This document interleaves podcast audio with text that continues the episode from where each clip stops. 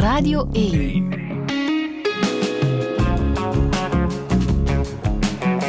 Voorproevers. Hallo, ik ben Annemie Peters en ik heb het voorrecht om lieve Joris te interviewen. Ze zou één keer terug naar Neerpelt gaan en dan weer naar Congo en Cairo en de golf en zo. Maar nu heeft ze toch weer een boek in en over de Heimat geschreven, over haar zus Hildeke. En over haar heb ik het met haar in deze podcast. Ga jou even plaatsen voor wie geen Joris-lezer is. Is dat goed? Absoluut. Iedereen zal jou wel kennen hè, van jouw meest bekende boek, Terug naar Congo. Waar jouw heeroom missionaris was. En dan zijn er veel reisverhalen, veel boeken eh, over de reizen die je gemaakt hebt. Hè. Poorten van Damascus, Mali Blues, ehm, Kamer in Cairo. eh, wat herinner ik me nog? De golf. Eh, zangeres op Zanzibar. En toen plots terug naar Neerpelt. Of All Places, waar je geboren bent. Hè? Ja, je reist om iets heen en op een dag denk je, maar als ik nu eens die plek zou beschrijven waar ik al die tijd omheen heb gereisd, heb ik mijn pennetje inmiddels voldoende geslepen om dat te kunnen. Het ging over, in het Frans eh, vertaald is dat boek, heet dat boek Fonny. Ja. Eh, want geen Fransman of Française die neerpelt weet liggen natuurlijk. En het gaat over jouw broer hè, die gestorven is. Een pijnlijk verhaal ook. Ook omwille de reactie van jouw ouders. Jouw vader vooral op die dood van zijn zoon. Ik denk dat dat verhaal heel erg een tijdsbeeld schetst. Eh, we wonen in een klein dorpje. De jaren zestig komen daar binnengestormd. We zitten vlak bij de Nederlandse grens. Eh, mijn oudste broer vindt zijn weg niet echt in de wereld. eh, is eh, vol rebellie tegen de school en zo. En steekt plotseling de grens over. Gaat daar kleine pakjes hashis halen. En dat is een tijd, we vergeten dat soms. Maar onze ouders wisten helemaal niks over drugs. En die wisten ook heel weinig over psychologie. Dus die, die dachten, oh, oh, nu is hij er vanaf. Ondertussen ging hij van hashish naar LSD en later heroïne. Dat kwam allemaal naar binnen. En hij wist zelf, denk ik, op het moment dat hij begon te gebruiken, niet waar dat allemaal toe kon leiden. Want op een dag was hij verslaafd. En ik heb hem meegemaakt in hele moeilijke momenten waarop ik dacht, het is als een zieke man die medicijnen nodig heeft. Onze ouders, de mijne ook, associeerden dat ook met een wereld die niet de hunne was. Met een criminele wereld waar zij nooit bij konden horen of hun kinderen. Ja. Dat zal ook wel een deel van de verklaring Ja, zijn. mijn vader die is opgegroeid met de bijbelse gedachte van de verloren zoon. Je moet altijd je deur open houden. Maar zijn kinderen die begonnen zich op een bepaald moment tegen Fonny te beschermen. Dus eh, mijn vader was, was, was boos op iedereen die niet zich eigenlijk voortdurend met Fonny bezig hield. En dat begrijp ik in retrospectief ook wel. Ja, en dat hij een schuldige blijft zoeken, dat hij blijft zoeken van Ja. waarom is er gebeurd wat er gebeurd is, dat Ja. begrijp je ook. Ja, en dat die ook- ons moordenaars noemt op het moment Ja. dat zijn zoon sterft. Ja, ja. En nu komt daar Hildeke bij, hè? jouw zus. Een van jouw zussen, Hildeke is er ook niet meer. En over Hildeke zegt een andere zus van jou, Aline, het liefste wat we ooit kregen. Waarom de liefste?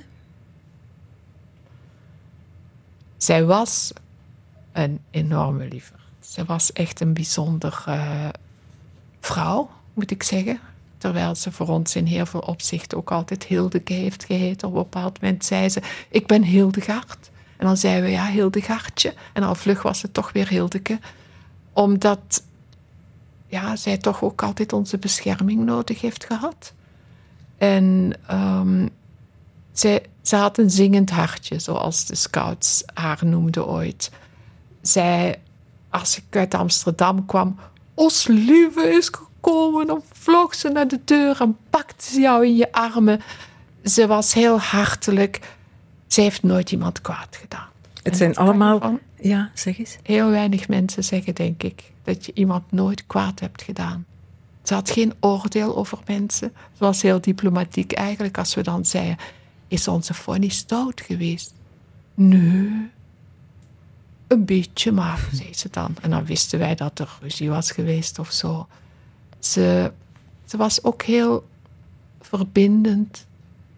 Ze, omdat ze niemand kwaad wilde, want er waren sommigen die beter voor haar zorgden en meer voor haar zorgden. Maar als je dan vroeg, en wie ziet je het liefst? Allee, zei ze dan. alle. Zeg het maar. Allebei. Daar heb je die alle weer. Ja. Zoals wij Limburgers dat kunnen Ja. zeggen. Je, je hebt in allerlei bewoordingen een hele mooie omschrijving van Hildeke gemaakt. Je hebt niet gezegd dat ze leed aan het syndroom van Down. Of zoals jullie dat onder elkaar zeiden, ze is een Mongooltje. Hè? Ja, dat is zo'n woord dat uit de jaren 50 komt. Hè? Dat eh, werd toen gezegd. En uiteindelijk was dat, als je zegt, oh, Mongool, dat is een scheldwoord. Maar als wij zeiden, ons Mongooltje, ons zorgenkindje. Mijn moeder noemde haar ook zorgenkindje. Mijn kruisje, op katholieke wijze. Maar ja, zij was... eh, later noem je dan syndroom van Down. Dat klinkt zo ver weg voor ons. Dus wij zijn opgegroeid met die, met die term. Maar we gebruiken hem tegen de buitenwacht niet hoor. Alleen onder elkaar. Mongooltje, hè? Ja. Eh, als, als je je ouders beschrijft als mensen van de generatie waar ze uitkomen, hoe ging die generatie om met mensen met het syndroom van Down? Makkelijker dan de onze of, of wringender? Het was een andere tijd. Ehm, ze wisten er veel minder van. Ehm, ik vond wel dat mijn vader een groot rechtvaardigheidsgevoel had. Dat hij op een dag protesteerde tegen het feit dat hij geen ehm, toelage kreeg voor het verzorgen van Hildeke, terwijl eh, mensen die naar de universiteit gingen wel beurzen kregen. En eh, daar was hij, mijn vader kon enorm kwaad worden op de instanties. En eh, dan, dan kroop hij in de pen en die brieven zijn ook allemaal bewaard. En dan eh, werd hij heel boos. En eh, dat zijn kinderen naar, op eh, vakantie mochten in eh, Zwitserland. En dat Hildeke nog maar één keer met vakantie was geweest. Met de eh gebrekkigen en verminkten, zoals dat heette in die tijd. Dus mijn ouders hebben ook een hele evolutie doorgemaakt. In het begin zat ze bij de nonnetjes in Mazeik. En eh, vervolgens is ze thuisgekomen. En dan hebben de broers en zussen, die één zus werkte in een instelling. Die heeft ervoor gezorgd dat Hildeke toch, want wij dachten als mama en papa er niet meer zijn, dan moet Hildeke toch gewend zijn om weer onder de mensen te zijn bij andere mensen. En toen is ze naar een bepaald soort zorgcentrum gegaan waar er kleine units waren, waar ze vrienden had en waar ze langzamerhand gewend is geraakt. En zij was, zij was gelukkig.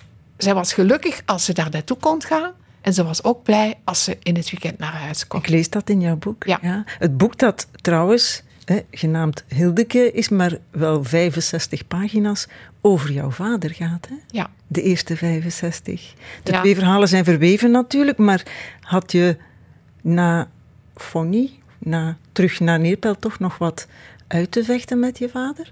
Niet zozeer uit te vechten, maar het moment waarop mijn vader stierf, realiseerde ik mij, realiseerden wij ons, nu gaan we echt voor Hildeke moeten zorgen. Dat moesten we daarvoor ook al, maar plotseling was het ouderlijk huis verdwenen. En toen ik terug naar Neerpelt, mijn vorige boek schreef, heb ik op een bepaald moment contact gehad met een psychiater die mij heel veel geholpen heeft om inzicht te hebben in bepaalde familiemechanismen. En die zei, toen hij de eerste keer, toen ik de eerste keer naar hem toe kwam, toen zei hij, breng maar materiaal mee van drie generaties terug. Dus ik wist deze keer ook, toen ik in het begin de dood van mijn vader beschreef en Hildeke met wie ik in het ouderlijk huis ben, dat als ik verder zou schrijven, dat ik weer naar de basement moest gaan. Opnieuw naar de kelder van de familie en kijken. Want die persoon, het is heel belangrijk, wie zit daar omheen? Wat is de familie? die- Want anders begrijp je het niet. Waarom doen ze dit? En waarom doen ze dat? En wat zijn hun andere zorgen? En ik denk ook dat ik na terug naar Neerpelt... Mijn vader is altijd een belangrijke figuur voor mij geweest.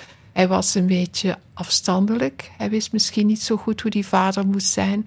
Maar ik heb heel, heel veel van hem gehouden. Zijn kant van de familie heeft mij ook aan het reizen gezet. Want hij had een oom die in Congo zat en een andere in Brazilië. Dus dat waren de mannen die reisden en die kwamen dan terug met verhalen. En ik ben eigenlijk in hun voetsporen de wereld ingetrokken. En mijn vader was een hele complexe figuur. Als ik terugkijk naar hoe hij is opgegroeid, hoe, hoe zonder vader. Zijn vader was overleden ten gevolge van gasvergiftiging tijdens de Eerste Wereldoorlog. En hij doet een hele goede uh, middelbare school, retorica, poëzies. Hij houdt van poëzie, hij kan Rielke citeren, hij, hij kan goed declameren. Dat had hij allemaal declamatielessen en zo gehad. En vervolgens, dat katholicisme zorgt er ook voor dat hij een groot gezin wil. Negen kinderen. Dus Hij krijgt een bedrijvige vrouw met de overkant van het dorp. Haar vader was molenaar. En ze gaan er met z'n tweeën tegenaan. En als ik kijk naar die foto's van hen in het begin, als ze verloofd zijn en ze gaan in Brugge naar het Minnewater en zo. En dan komen er de eerste kindjes, de twee kindjes. eerste zijn zoete kindjes met perzikwangetje. En dan komt zijn eerste zoon. En dat blijkt al vlug een moeilijke jongen. En dan begin je zo er komt nog maar weer eentje achteraan. En nog maar weer eentje. En dan komt Hildeke. En plotseling, en dan komen er nog twee achteraan. Blijven maar komen. En ondertussen zijn die zorgen toch wel groot geworden. Vooral die ene jongen die zijn weg niet vindt in in het leven. En, en die eigenlijk iedereen, al de anderen, een beetje in de schaduw zet. En we wonen aan de rand van het dorp in een mooi groot huis. Gelukkig is er ook een grootmoeder aan de overkant. Dus het zijn twaalf mensen, het is een hele wereld. Op het moment dat ik dat, dat domein afstapte en de wereld introk, had ik al twaalf mensen met een ingewikkeld psychologische uh, achtergrond. En toen was ik eigenlijk ook klaar om om mij heen te kijken. Wat is hier allemaal te koop? Ik wist al een hoop. Want zo'n familie, dat is echt, dat is een dorp eigenlijk, twaalf mensen. Ja. En ik begrijp nu waarom er 65 pagina's over jouw vader gaan. Mooie pagina's trouwens, je hebt hem mooi uitgewerkt. Voorproevers. En nu over Hildeke. Uh, jouw nieuwste boek hè, heet Hildeke. We praten de hele tijd over je vader, omdat het ook een dikke 60 pagina's over hem gaat. En over jouw moeder en ook over alle broers en zussen. Natuurlijk ook. Ik heb eens op jouw Facebook gekeken op 1 januari 2021. Staat daar: Wat het gaat worden, weet ik nog niet precies. Maar wat is het heerlijk op deze eerste dag van 2021 om weer aan het werk te kunnen gaan. Was dat het begin van Hildeke? Ja, ik had één verhaal geschreven voor het blad Wilfried, dat inmiddels helaas ter ziele is gegaan. De Nederlandstalige versie in ieder geval. En uh, Pascal Verbeke, de hoofdredacteur, had mij gevraagd om een verhaal te schrijven. Het moest zich afspelen in België. Het was COVID. Ik kon op dat moment niet eens naar België. Dus ik keek naar al die dozen die nog in mijn kamer stonden ik, een eh, collega had al eens gezegd: Ja, maar terug naar Neerpelt is nu toch klaar. Is het niet tijd om die dozen eens weg te doen? Ik zei: Nee, nee, nee, laat die nog maar even staan. En toen ben ik opnieuw in die dozen gedoken. En uh, ik dacht, ik ga een verhaal schrijven over hoe ik aan het materiaal voor terug naar Neerpelt ben gekomen. En in één keer zat ik in het ouderlijk huis. Toen mijn vader was overleden, mijn oudere broer had gezegd: Lieve, het lijkt mij logisch dat jij het uh, archief van de familie krijgt. Ik denk dat hij zich dat later soms betreurt heeft. Maar die oude broer is Rick, hè? Ja. En ik heb dat ook gelezen in het boek, hè, dat hij zegt: Het lijkt me logisch dat jij die meeneemt. Uh, hij moet weten dat bij een schrijfster die al eens in de paparassen is gedoken, dat dat een en ander in gang zet. Ja, ik weet het niet. toen ik uh, plotseling niet meer reisde, toen zei hij, ben je te oud geworden om te reizen? Um, maar aan de andere kant, ik moet zeggen, mijn familie heeft uh, terug naar Neerpelt wel uh, heel fideel aanvaard. En uh, ik moet nog even wachten op de reacties op dit boek. Maar het is wel een goede familie wat dat betreft. Ja. Maar de, zet het, de dozen en, en, en de, het advies van Rick zet een en ander in gang. Hè? Ja, dat is wel dat... Fonny passeert weer hè, op ja. de foto's. Jouw moeder die er niet meer is, jouw vader. Um, en je had beslist, dat, je had effectief beslist dat je dat het voor één keer goed was geweest. Hè? Terug ja, naar die ik zou op reis gaan. Ja. Maar uh, ik zou op 18 maart 2020 naar Cairo gaan. Ja, maar goed, dat ging natuurlijk niet. En dat uh, in één keer zat ja. ik thuis. Heeft Hilde zich dan een beetje opgedrongen op een of andere manier? Mensen zeiden nadat ik terug naar Neerpad had gepubliceerd daar zit daar nog een verhaal toch. Hè? Want we willen wel weten hoe dat verder loopt eigenlijk, nadat Fonny er niet meer is. Maar er is daar een figuurtje in dat boek, die zien we soms langskomen, maar daar zouden we eigenlijk wel iets meer over willen weten. En dat was Hildeke. En ik had enorme weerstand, omdat ik dacht dat ik het niet zou kunnen. Ik werk heel erg met dialogen in mijn boek. Mensen praten. In het geval van Forni was er soms ruzie en meningsverschillen. En Hildeke was niet zo talig. En ik, ik dacht, ja, ik heb eigenlijk alles wat ik over haar te zeggen had, dat heb ik eigenlijk al gezegd in Terug naar Neerbelt. Maar het was vooral omdat ik, ik bang was dat ik haar niet zou in beweging kunnen krijgen en laten praten met die weinige dingen die ze eigenlijk zei. En dat heeft ook enige tijd geduurd. En dan is er dat heerlijke moment als je zo voorbij het midden bent dat je in één keer merkt, nu is het er. Nu hoef ik haar niet meer te beschrijven. Nu weet de lezer waar ze is, wie ze is. En nu kan ik haar gewoon laten bewegen. En ehm, dat was wel een heel fijn moment. Het is een openbarend boek voor mij, die niemand met het syndroom van Down persoonlijk ken omdat het ver weg gaat van alle clichés hè, die je erbij bedenkt. Hè, de eeuwig vrolijke, lieve, grappige, goed gemutste mensen. Want Hildeke is dat ook, maar niet alleen. Dat uh, onvoorspelbaar soms, angstig toch ook heel vaak, hè, weerspannig. Tegenover jou soms ook een beetje op haar hoede, waarschijnlijk omdat ze jou niet vaak ziet of niet zo vaak als sommige andere mensen van, van de familie. Ja, en dan kom ik uit Holland en dan wil ik het een en. Ja, ja, ja. Die anderen haar van dag tot dag meemaken of van week tot week en, en, en, en niet zoveel van haar eisen. Ik ben nogal veel eisend, maar daardoor krijg ik soms ook iets gedaan dat we in één keer met z'n allen in het vliegtuig zitten op weg naar een verre ja, bestemming. Ja. Je beschrijft een scène van vroeger die zich in Bokrijk afspeelt, waarbij er hè, met een paar van je zussen, Hildeke is erbij, en een vriend van een van de zussen. En Hildeke um, valt daarop, eh, ja, zo mag ik het wel zeggen, hè, valt hem voortdurend lastig ook, om, om het zo dan te noemen, tot jij haar streng toespreekt en ze uh, daar s'avonds over in huizen, huilen uitbarst. En jij denkt, ja, is dat nu omdat ze liefdesverdriet heeft of omdat ze beseft dat ze dit soort dingen nooit dat ze geen toegang heeft hebben. daartoe. Ja. ja, dat zijn die dingen waar je over nadenkt wanneer je aan haar denkt, überhaupt, maar ook wanneer je gaat schrijven. Want uh, inderdaad, zo'n persoon is heel complex. En als je met haar opgroeit, met haar, dan, dan is Hildeke is Hildeke. Hildeke heeft ook het syndroom van Down, maar Hildeke is Hildeke. Zoals um, ik. Um, ik was in Cairo, of tenminste, ik heb een half jaar in Damascus gewoond bij een vriendin. En haar dochter van elf, die ze kwam op een dag thuis van school en die zei: de, de christenen houden niet van ons. En toen zei haar moeder: Maar lieve is christelijk en lieve is toch bij ons. Weet je zeker, zei ze, dat lieve christelijk is? Ja, lieve is christelijk. Nee, zei ze, lieve is lieve. En dat is met Hildeke ook zo. Hildeke is Hildeke. Maar ben je eruit of ze weende omdat ze besefte wat er niet voor haar was weggelegd. Kon ze dat verwoorden, eventueel, als ze het al besefte? Ik weet het niet.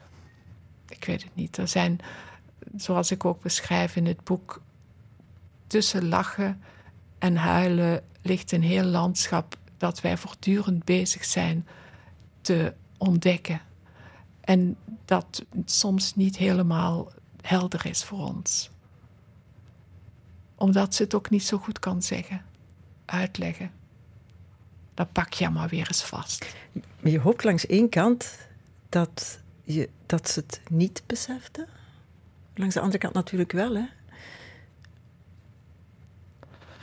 Toen ik in um, de serie Down the Road Pieter, een jongen die mij erg ontroerde en die ik van programma naar programma volgde om te kijken hoe hij was en wie hij was, die huilde op een ochtend en zei: Ik wil geen down hebben. Ik wil ook kunnen studeren, maar ik kan dat niet. En op dat moment dacht ik: Zoiets zou ik nooit gezegd hebben. En dan weet je niet, komt dat omdat ze gewoon een heel gevoeglijk meisje was van heel vroeg? Heeft dat ook met intelligentie te maken? Want Pieter is uitzonderlijk intelligent. Um, maar ik was ook in zekere zin blij dat um, dat besef niet had. Ik heb het ze gisteren nog gehoord. Ik heb gisteren gekeken. Ja? Er was er ook eentje, ik denk Anne-Sophie of uh, Ellen, die zegt: Het is niet fair dat ik heb wat mijn zussen niet hebben. Ja. Dat Maar is, ja. dat is voor ons allemaal wel zo. Ja. We kunnen altijd naar iemand kijken en zeggen. Dus in, in zeker Ja. opzicht gaat dat voor ons alle op. En, maar ik kan me voorstellen, als je echt... En dat is natuurlijk het, het dilemma wanneer je... ehm, het gewone onderwijs wil laten volgen. En ehm, dan, dan, dan komt er een moment waarop iemand denkt: ja, inderdaad, waarom ik dit niet? Of zoals ik in een Nederlands programma ooit zag, dat een meisje tegen de programmamaker zei: een knappe jongen, eh, ben jij getrouwd? Nee. Heb je ook geen kinderen? Nee. Maar dan kunnen jij en ik toch samen met elkaar. ja, ja, toch. Ja, Daar zou het antwoord ja op moeten kunnen zijn.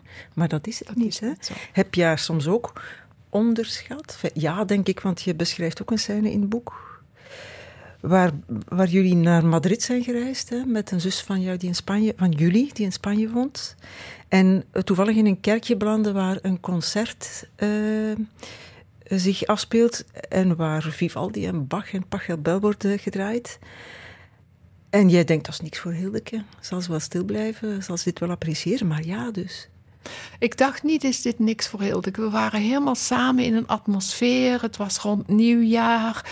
We gingen naar een kerkje. Het was daar heel stil. Het was heel mooi. Ik weet dat ze van muziek houdt. Dus ze zat zo door de spijlen heen. We zaten boven op onze jassen naar dat Transylvaanse eh, or- orkest te kijken. Hoe ze de violen stemden en zo. En vervolgens een uur lang volledige stilte. Daar was ik wel van onder de indruk. En mijn oudste zus en ik keken soms naar elkaar een beetje blij. Kijken soms Hildeke, hoe ze geniet hiervan. Ja, en dan schrijf, je, dan schrijf je: Ik zal me die uren in dat kerkje in Madrid herinneren. Telkens is er dan het knagende besef dat Hildeke zoveel dingen niet leerde kennen, omdat er niemand haar de weg wees. Ik ook niet. Ja. Dat is dezelfde omschrijving van onderschatten, toch ook? Hè? En dat is natuurlijk het dilemma van de reiziger die ik ben. Ik ben. Ik kom elders. Ik zag in Nederland bijvoorbeeld al heel snel dat mensen met Down daar eh, theater deden, op andere manieren aanwezig zijn in het straatbeeld, eh, zelf de bus nemen op weg naar het zwembad en zo. En dan kwam ik thuis en zag ik dat dat allemaal niet kon of dat dat niet zo was. Maar ik ben niet degene die dat kan veranderen, want daarvoor zou ik er altijd bij moeten zijn. En dat ben ik niet. En dat is een beetje het probleem van degene die reist. Het is waar, maar je schrijft in het boek: ze was veroordeeld tot Jules Cabas en Willy Sommers en Wiltura. Niks mis met Wiltura en Willy Sommers, hè? Toch? Maar dat is toch, dat is wijzen naar de instelling waar ze zat, denk ik, waar ze haar dit hebben aangeboden en niet Pachelbel.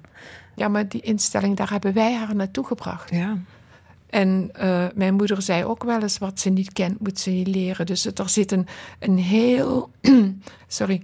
Een, een, een heel tissue omheen. Een heel netwerk.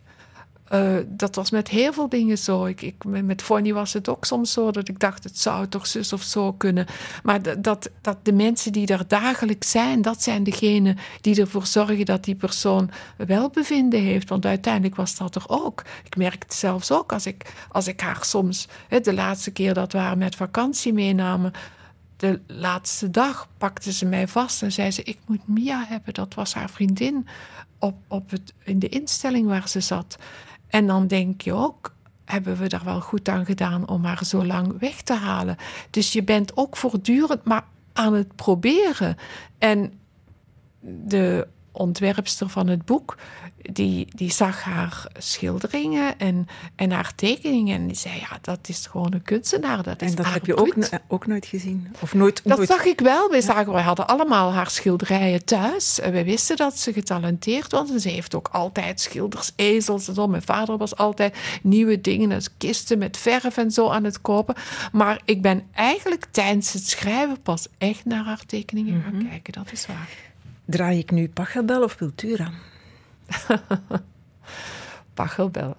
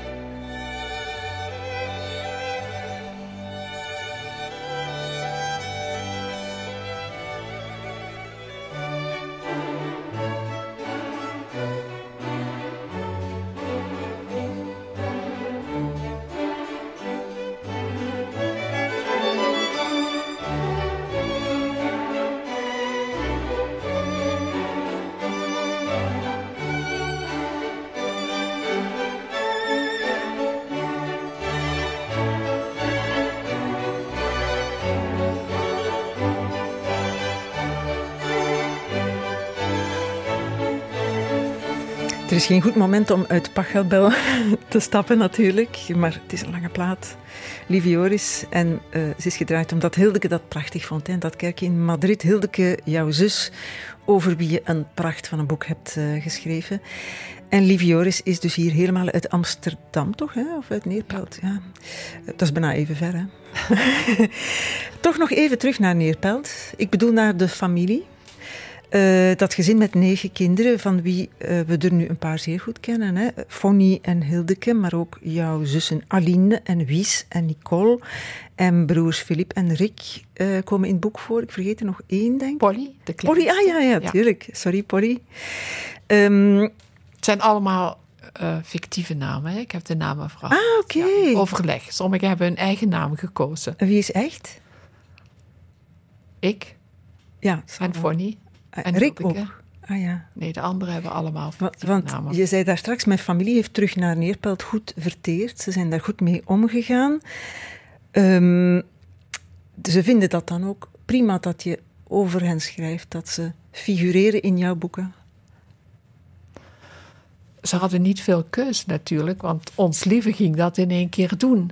En um, ik, uh, Auke Huls, die ook heel, veel, heel mooi heeft geschreven over zijn familie, die had mij een beetje geholpen. Die zei ja, in het begin gaan ze misschien schrikken, maar dan gaat de buitenwereld het mooi vinden en dan gaan zij ook veranderen. En dat is wel een proces dat ik ook wel zie. Ja, heb je dat herkend? Want Rick, hè, de, jouw oudste broer is dat, hè? Zijn mhm. echte naam? Mhm. Nee, dat is ah, ah, nee, geen echte naam. Ja. Nee, nee van wie je zegt, mee, uh, uh, daar straks zei, misschien had hij beter niet gesuggereerd dat ik de paparassen meenam, want uh, hij had kunnen vermoeden dat je daar een boek van uit zou maken. Die komt er niet zo geweldig uit, hè, jouw boek. De, Kijk, we vliegen soms tegen elkaar op. Ik weet niet precies wat het is. Strijd om de macht, lijkt het wel. Ik ben jou aan het citeren. Hè. Macht waarover? Ik ken zijn geldingsdrang, zijn hunkering naar waardering. Ik zou clement moeten zijn.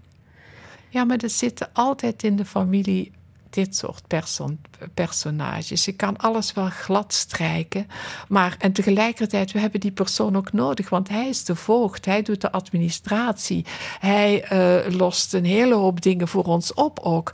Maar, um, en zoals ik zelf ook over mezelf zeg, ik heb soms ook een kort lontje. Dus uh, ik ben ook een Joris, ik vlieg ook uit. En uh, dus ik, ik hoop dat ik mijzelf in het boek ook niet gespaard heb. Dus Natuurlijk. En ik denk, ik heb heel vaak gehoord bij families uh, waarin er iemand als Hildeke is, dat, dat, dat er enorme conflicten zijn. Dus uh, aan het einde zitten wij wel met z'n tweeën eh, bij Hildeke als ze sterft. Dat is waar, dat is me ook opgevallen. Jij en Rick En ik zeg op een bepaald moment ook, ja, we vliegen wel tegen elkaar op, maar hij houdt ook van haar en hij doet het ook op haar manier. Dan zie ik in één keer dat zij is kaarten op elkaar aan het leggen, dan pakt hij een kaart en doet het haar voor. En dan zie ik hem dat doen en dan denk ik, ja, weet je, hij heeft ook verdriet. We hebben allemaal verdriet. Ja. Maar dat betekent niet dat je daarom niet van tijd tot tijd tegen elkaar opbotst. Nee, maar over elkaar schrijven is nog iets anders. Hè? Ik ken dat fenomeen trouwens ook als leidend voorwerp, om dat zo te noemen. Mijn broer schrijft in zijn column soms ook over zijn zussen of zijn zus. Ja, dat is toch niet altijd even... Daar moet, dat is in den beginnen toch confronterend om over jezelf te lezen. En ongevraagd over jezelf te lezen ja, als je het dan gaat voorleggen, dan, dan wordt het een stoel met vier uh, kun je niet meer schrijven, schriftpoten. Ja. Dus dat gaat niet. Uh... Je, je, je, schrijft ook, Hildeke is de lijm in de familie. Je hebt dat uh, net ook verteld. Hè. Jullie maken samen uitstappen met de hele familie vakantiehuizen op de grote hei gaan huren en zo. Um, is ze dan nu uit elkaar gevallen, die familie? Want de lijm is weg. Ik uh, was daar bang voor toen Fonny overleed al. En toen bleken we mijn vader te hebben en vervolgens Hildeke. En daarna dacht ik ook, oh, dat gaat niet meer samen blijven. Maar bijvoorbeeld uh, afgelopen zomer, ik heb een zus die in Spanje woont. En haar, uh, een van haar, zo haar zoon woont in Estland. En die houden erg van België. En die huren dan een huis in Hasselt. En dan komen we allemaal opdraven. En dan zie je van die avonden waarop we met z'n zeventienen samen zitten. En uh, ja, dat verloopt zeer harmonieus. Dus op die momenten denk ik, ja, we hangen blijkbaar toch wel aan elkaar. Dat krijg je natuurlijk ook als je een hoop dingen samen hebt meegemaakt. Je bent een schild tegen de buitenwereld. Hè? Pas op, hè? Dat is waar. Als er iemand iets van, van mijn zus zegt, hè? Ja. ook al zeg je soms zelf. hmm, Ze hebben natuurlijk Hildeke nog niet gelezen, hè, lief? jawel, Ah, ook is. eh, Dat is maar een grapje. het- ik heb het hen eh, toegestuurd voordat het eh, in de boekhandel lag. En ben je nu klaar met je verleden? Of mag je dat nooit zeggen? Want ik las in de standaard, er is nog de Bomma, die heeft ook een grote rol in je leven gespeeld. Maar goed, ja, acht broers en zussen eh, die misschien ook hun plekje opeisen. Die zitten wel in terug naar Neerpelt en Hildeke. Laat mij nu nog maar weer eens mijn vleugels uitslaan en lekker op reis gaan. Ja, want op een keer moet je afsluiten toch ook. Hè? Dat, is het van je afgeschreven? Dat dacht ik na terug naar. Neerpelt ook. Maar ik, eh, nee, ik, ik heb nu wel de indruk dat ik eh, geschreven heb wat ik wilde schrijven. En dat ik klaar ben om weer met nieuwe ogen naar buiten te gaan. Ja, misschien is een betere vraag. Zijn de dozen al naar het containerpark gebracht? Zeker niet naar het containerpark. Als ze verdwijnen uit mijn kamer, dan gaan ze naar de zolder. Dan moet ik daar een plaats maken. Maar ze staan nog altijd op mijn werkkamer. Aha, dat klinkt toch ook En soms haal ik nog wat uit of niet stop ik er wat zeker. in. Het is ook moeilijk hè, om zoiets af te sluiten. Het boek is net uit, dus eh, ik moet het, dit materiaal nog even bij me houden. Het is een prachtboek.